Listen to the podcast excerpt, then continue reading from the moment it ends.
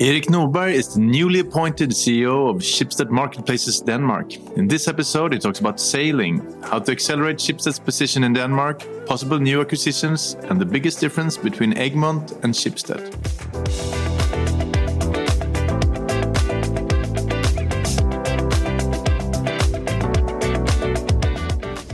Erik, welcome to Schibsted Talks. Thank you very much. How are you doing today? I'm doing really good. It's a sunny day here in Copenhagen. Just had autumn break last week. So you've been CEO for Schibsted Marketplaces Denmark for a month or so. Uh, what's your thoughts so far? My thoughts are that it's amazing business. It's uh, it's a very strong position in uh, Denmark. Lots of history uh, from the company and organization. A very strong team, and a lot of opportunities ahead. Have you got nice offices? Yeah, very nice, very nice. We got, actually got two offices. Oh. So we have uh, this is something most people don't know about that uh, we have one a bit little bit smaller office in Copenhagen uh, in Christianshavn, Yeah. uh, which is a very nice area in Copenhagen, and then we have a significantly larger office in outside Aarhus, which is Denmark's second largest city, where where most of our people, about eighty percent, of our team uh, actually located there. Okay.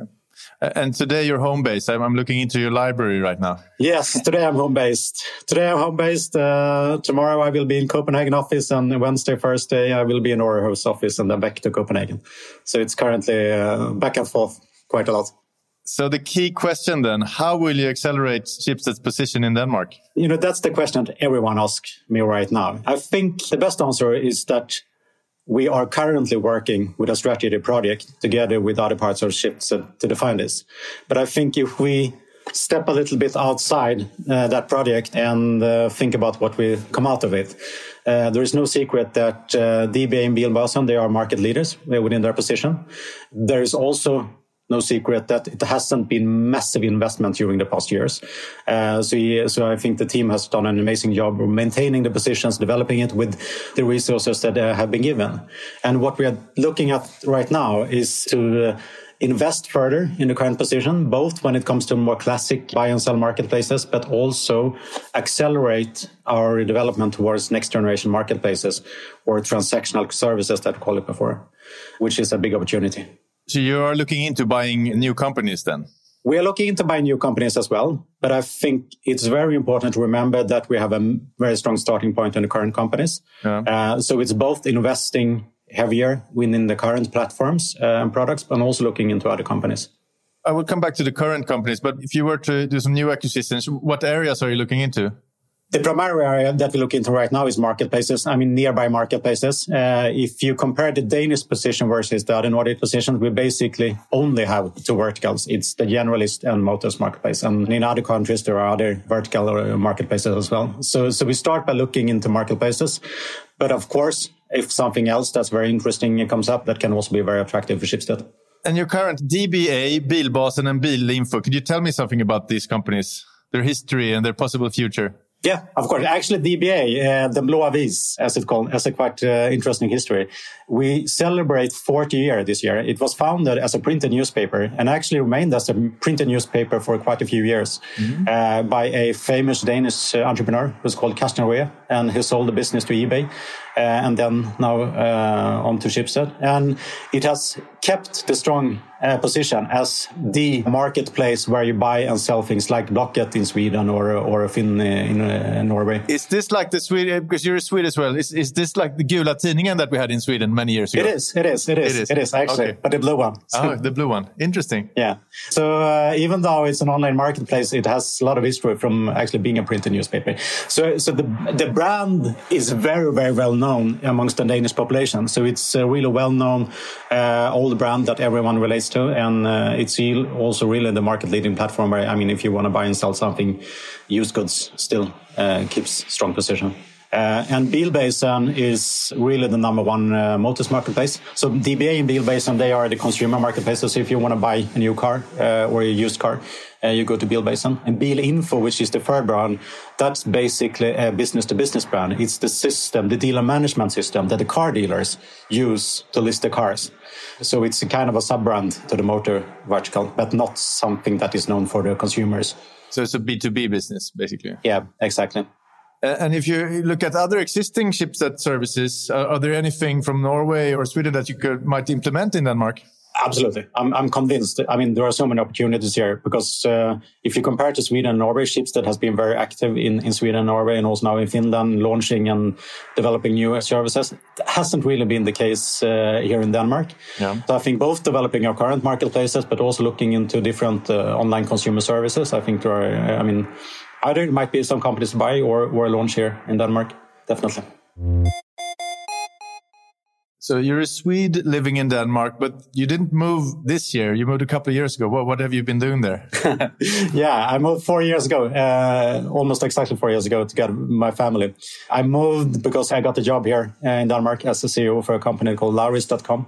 And I stayed there uh, actually for a very short time. And then I moved over to Egmont, uh, which is the big Danish owned Nordic media group, and stayed there for a couple of years before I came to eBay and Schibsted. And uh, I mean, you could say roughly that Egmont is sort of the Danish Schibsted, not exactly, but if you like. And Schibsted is Norwegian, Bonnier is Swedish. Compare Egmont to Schibsted.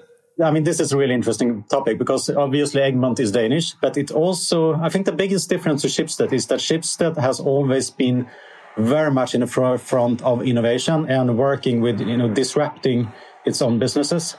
I think Egmont's strength is that it is a, is also very long-term owner. It's also owned by a trust, which uh, mm. purpose is to basically to give back to, to children in need in the Nordic countries. So it's a very nice purpose with the trust and the company.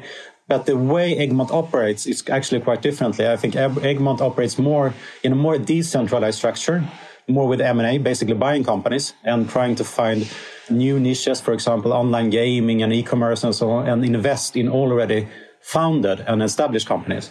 Meanwhile, Schibsted often invest in early stage and also a bit more disruptive in its own uh, internal innovation than Egmont has been. I really had a great time at Egmont. I, I learned a lot about acquisitions, a lot about, lot about investing in other companies, and also keeping this very decentralized uh, structure uh, that Egmont, uh, I think Egmont cares a lot about, the companies uh, stand on their own legs.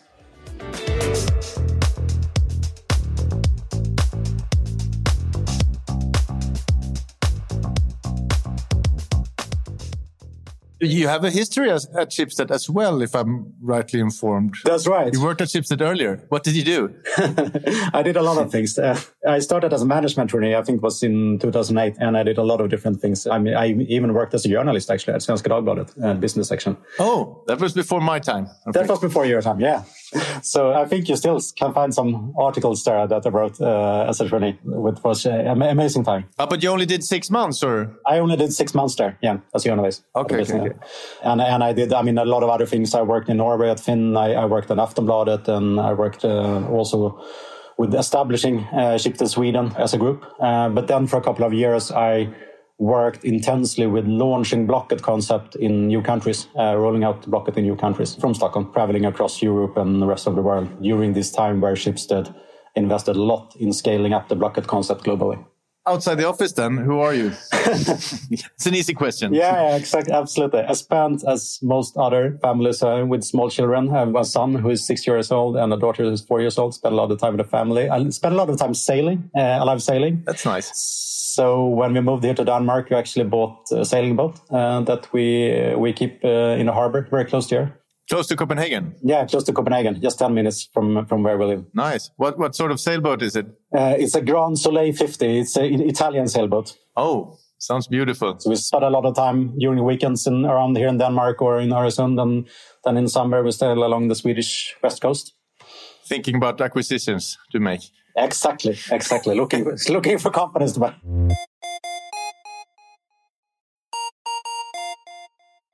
Could you elaborate on the new marketplaces you might look into? What sort of other marketplaces could that be? Is it real estate, art? I mean, what, what could it be? As it is right now, we are in like generalist buy and sell and motors.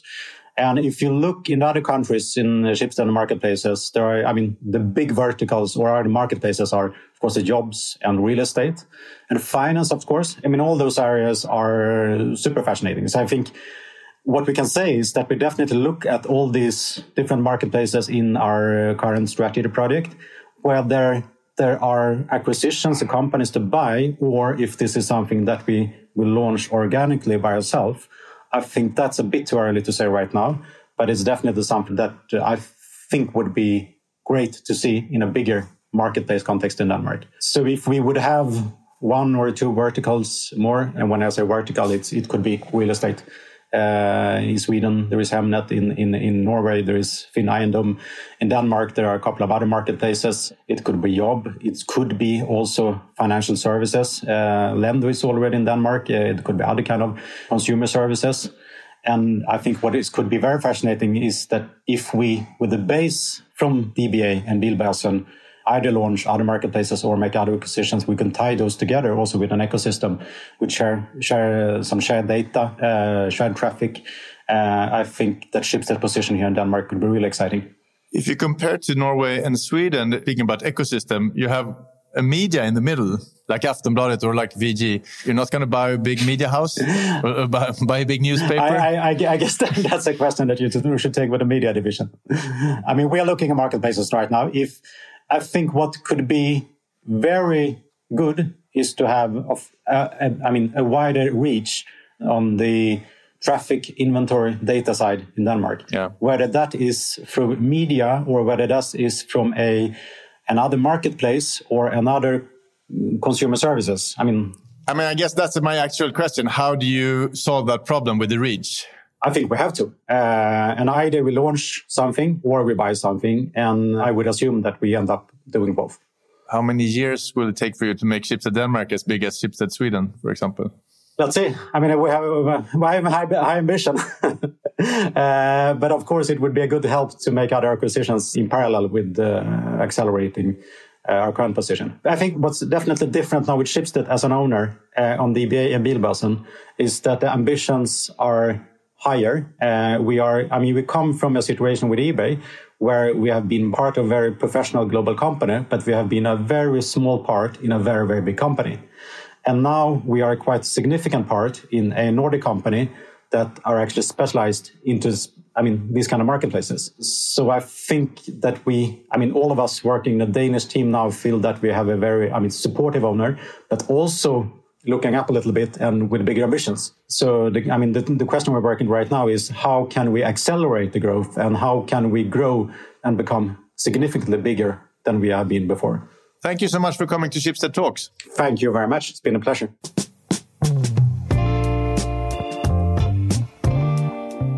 This podcast was brought to you by Schibsted Employee Branding Team. My name is Hugo Renberg and producer was Jens Back.